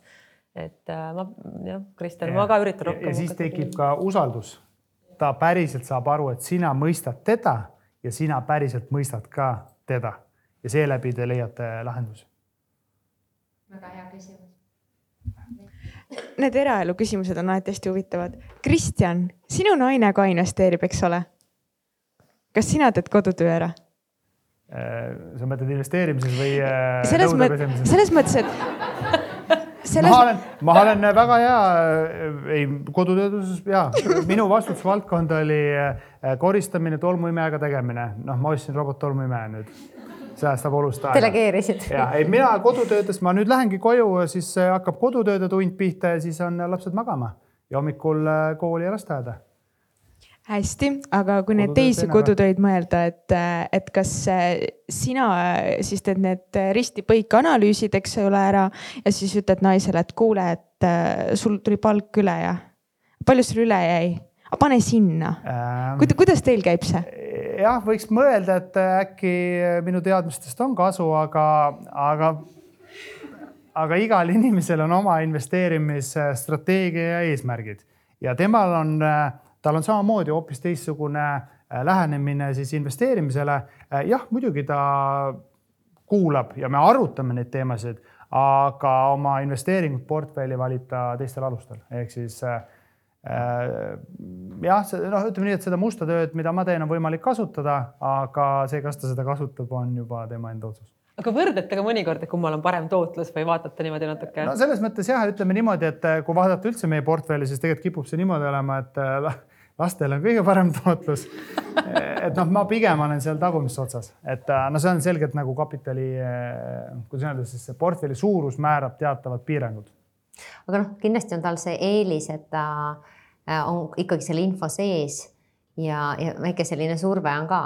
Et jällegi, kui kodus üldse ei räägita, vaata siis on palju keerulisem, et äh, ma tean, üks kolleeg just ütles seda, et äh, ka noor inimene, et ta tahtis hakata ka investeerima ja tema vanemad noh, üldse sellest teemast midagi ei teadnud ja siis ta leidiski ühe sõbra isa, kes oli nõus võtma veidi aega selgitama talle üldse ettevõtluse teemasid ja investeerimist, et, et see on jällegi see, et äh, vaadake, kes on teie ümber ja kui neid ei ole teie ümber, siis leidke need et äh, siis see juba niimoodi vaikselt positiivselt keegi nügib kogu aeg ikkagi. Või öelge välja see mingi oma, et ma alustan nüüd investeerimisega, siis keegi tuttav mõne aja pärast tuleb küsima, no kuidas sul siis läheb, on ju, noh, siis see juba tekitab selle, et ma pean nüüd mingid sammud astuma. isegi kui sa saad kellegagi arutada, ilma et sa ootaksid mingit konkreetset nõu, sest et ega tegelikult ei tohi kellegi nõu otseselt vastu võtta, kui tegemist ei ole siis mingi päriselt nagu professionaaliga, siis juba ka oma asjade väljarääkimine, et sa jõuad ise selle jutu käigus mõnikord mingi hea tulemuseni, et sa juba saad aru, kui sa saad kellegagi rääkida aga on inimesed, kellega sa ei saagi rääkida. näiteks mulle on ka kirjutanud päris palju naisi, kes ütlevad, et nad väga tahavad investeerida ja tegutseda, aga neil on noh, teise poolega on nagu raskusi, mitte et ma ütleks, et vastupidi või olla, vastupidi võib ka olla, aga mulle lihtsalt kirjutavad rohkem naised. et lihtsalt, et kui oled näiteks äh, sõbra suhtes või paari suhtes, kus on nagu noh, väga erinevad teemad, siis ongi väga raske, aga õnneks on inimesi väga kerge tänapäeval enda ümber ikkagi leida, et erinevad äh, sündmused, äh, grupid. et mina sain oma praeguse parima sõbrannaga tuttavaks nii või ühe, ühe siis kahest parimast sõbrannast, et, et ta lihtsalt pani kuulutuse üles, et kes tuleb, ma tahaks minna tennist õppima. noh, kes tuleb mulle sõbrannaks või kes tuleb minuga mängima, läksin temaga tennist mängima, täna ta on üks minu kahest parimast sõbrannast. et tuleb lihtsalt ise küsida ja ise minna, et kui neid inimesi enda ümber ei ole, siis see mõjutab tohutult meie elukvaliteeti ja siis see üks mu lemmiklauseid viimasel ajal, et näita mulle, kes on su sõbrad ja ma näitan sulle sinu tulevikku et minu küsimine natuke seotus selle eelmise osaga, et äh, nende vanemate, vanema generatsiooni investeerimine, et mis on teie arvamus kulda investeerimisel, selle füüsilisse kulda? et see on ka niisugune näpuga katsutav asi. ma võin alustada, kuna ma kulda investeerimise teemal kirjutasin magistri äh, lõputöö, siis ma, mul oli täpselt sama küsimus ja sama probleem, millele ma üritasin siis äh, läheneda numbritel baseeruvalt ja muuhulgas võttes arvesse ka muidugi enda emotsioone ja tundeid. aga väga lihtsustatult ja mõnes mõttes kohati minu ebameeldivaks üllatuseks tulemus oli, et ei, vähemalt nooremal generatsioonil ei tasu väga suurt osakaalu oma investeerimisportfellis hoida kullas ja põhjus on väga lihtne. kuld maavarana, füüsiline kuld, kui te seda kodus hoiate, ei loo lisandväärtus ühiskonnale, no ettevõtete innovatsioon ja nii edasi. kuld ei maksa sulle dividende, kuld ei maksa sulle intresse, kuld ei maksa sulle üüri ja kulla tootlus ajas jääb teistele varaklassidele alla. kuld laias laastus on hea inflatsioonikaitse Äh, miks kuld saab nii palju tähelepanu, on see, et kullal on, noh, ütleme äh, akadeemiliselt selle asja nimi on negatiivne korrelatsioon, lihtsas maakeeles öeldes ta liigub risti vastupidi teistele varaklassidele kriiside ajal. ehk siis, kui teised kõik põgenevad aktsiatest ja kinnisvarast, siis tavaliselt kulla hind kipub liikuma teises suunas. kuld on nagu hea kaitse kriiside ajal. aga pikaajaliselt kuld säilitab oma väärtust lihtsalt nii-öelda inflatsioonilises keskkonnas Äh, ja noh, nüüd, kui sa võtad veel füüsilise kulla sinna juurde, siis sul on kohe turvarisk. ma ei tea, kui sul on, kui, kui, kui, kui su naabrimees või keegi saab teada, et sul on, ma ei tea, saja tuhande eest füüsilist kulda kodus, su turvarisk automaatselt tõuseb. jah, kus sa elad? aga see on väga raske muideks, üks kamakas on väga raske. mis sa selle transpordiga teed? Äh, samamoodi, siis sul tekivad kõrvalkulud kohe. esiteks kulla, äh, sa pead hakkama kulda hoiustama, sul on vaja seif osta, see ei ole odav lõbu Äh, kulla ostmisel-müümisel teenustasud kõrgemad ja nii edasi ja nii edasi, ehk siin tekivad kohe noh, see kõik sööb su tootlust. ehk küsimus on, mis, mis on su eesmärk, kui su eesmärk on vaadata füüsilist kulda ja öelda äge, nuusutada õhtul enne magamaminekut, siis seda eesmärki täidab. kui su eesmärk on oma kapitali kasvatada, siis kuld ei pruugi olla kõige parem lahendus sellele. võib-olla seesama see vanem, vanema generatsiooni teema, et, et see on teine füüsiline asi, mis noh rotid ära ei söö, eks ju ma ei tea, kellegi võis kapsaraua ka ära kunagi jah, aga noh, naabrimees ihaldab seda, kui raskeks läheb. et äh, see on jama. ja võtame veel viimase küsimuse äkki mm,. Okay. nii, tere ja aitäh kõigepealt. Minul selline küsimus, et äh, päris, päris algaja. Ja kust ma siis, soovitatakse kogu aeg, et äh, vaadake ja analüüsige siis, et äh, kuhu investeerida ja, ja mida siis osta. kust ma siis võiksin vaadata, millesse investeerida ja mida osta, et noh, raamatud on üks asi, aga, aga võtame selle interneti näiteks lahti, et kuskohast ma leiaksin seda põnevat infot ja analüüsimise võimalust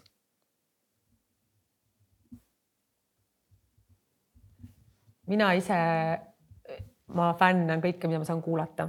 Ja mitte ainult podcast'id, vaid ka ikkagi needsamad raamatud, sest ähm, lihtsalt sa saad kuidagi, ma olen ise täheldanud, et kui ma panen klapid kõrva ja ma lähen lihtsalt ka kõndima, kuidagi see, ma ei tea, see füüsiline liikumine kuidagi ka nagu mõjub sellele, et see aju töötab nagu lihtsalt paremini, et ma ei kuula muusikat, vaid siis ma nagu nii-öelda kuulan näiteks raamatuid ja neid raamatuid, mis on nagu aitavad äh, investeerimise nagu loogikast aru saada, on tegelikult meeletult palju, eriti kui sa näiteks loed ka inglise keeles ka eesti keeles on ka väga palju raamatuid ilmunud.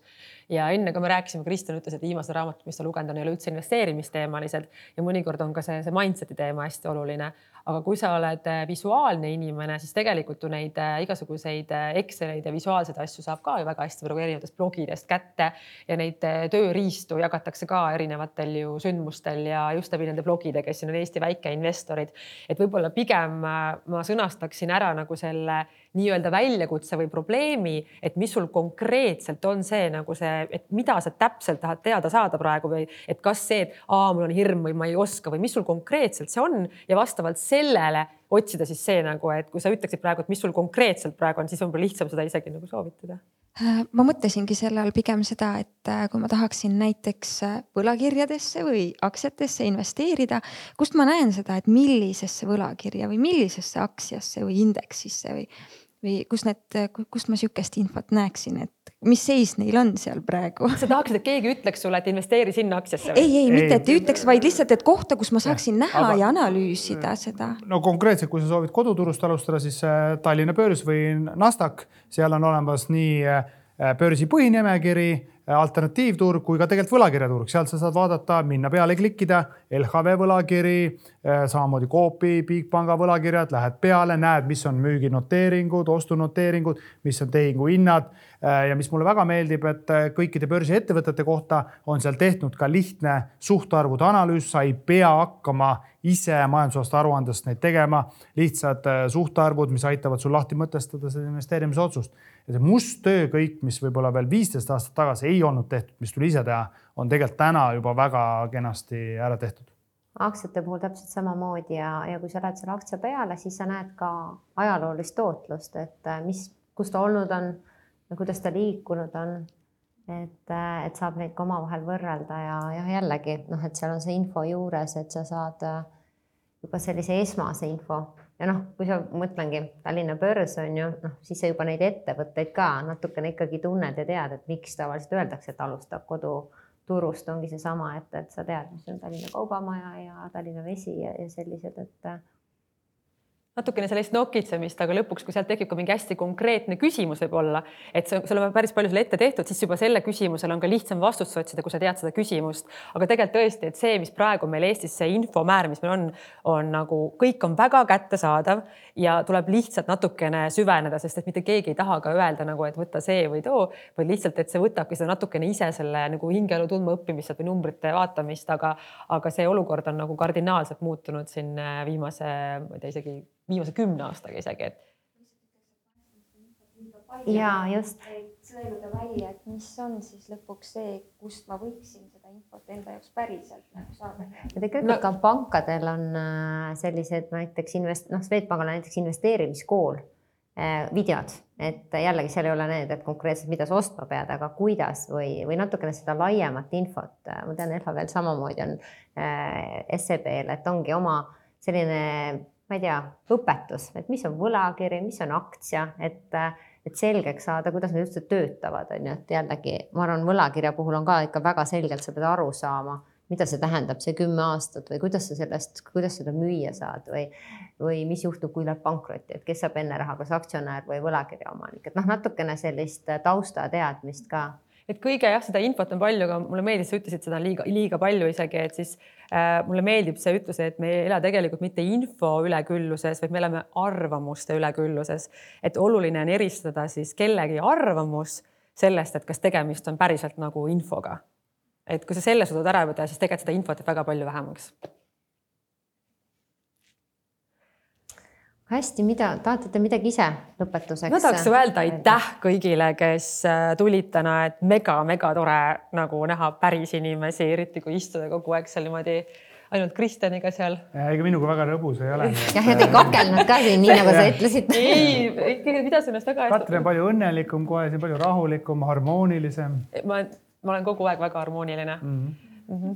Ja minul on hästi hea meel, et äh, me seda üheskoos saame teha, sest äh, just nimelt äh, eesmärgid on samad, et seda infot jagada, et tuua tegelikult ka neid inimesi kokku omavahel, võib-olla vaatad, kes su kõrval istub, küsid kontakti, et kuule, et ma näen, et sulle pakkus ka see teema huvi, et ma ei tea, lähme teeme väikse kohvi veel või tee on ju siin õhtuks.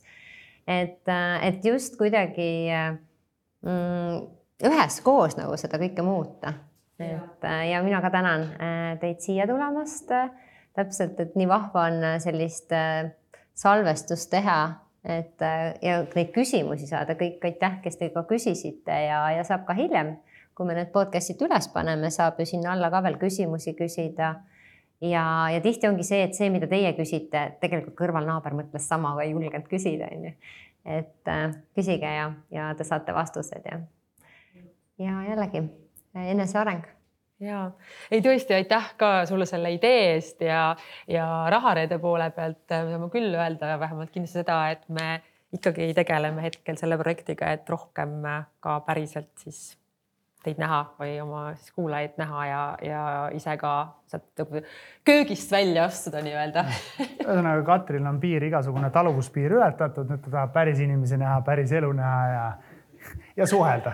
suhelda jah. ja, ja kogumispäevikus on tegelikult ka podcast'is mõlemad episoodid olen teinud nii Katriga kui äh, Kristjaniga, nii et võite. just, me oleme eraldi kuulata. käinud sul ka Just, külas, et jah, et kogumispäevikus on täitsa tõesti olemas siis kaks, mul täitsa, täitsa läks meelest ära, täitsa kaks episoodi olemas, et me oleme kokku teinud siis juba kolm episoodi koos. no just, väga äge. et suur-suur aitäh kõigile veel kord ja ma nii loodan, et me ikkagi kohtume veel. aitäh.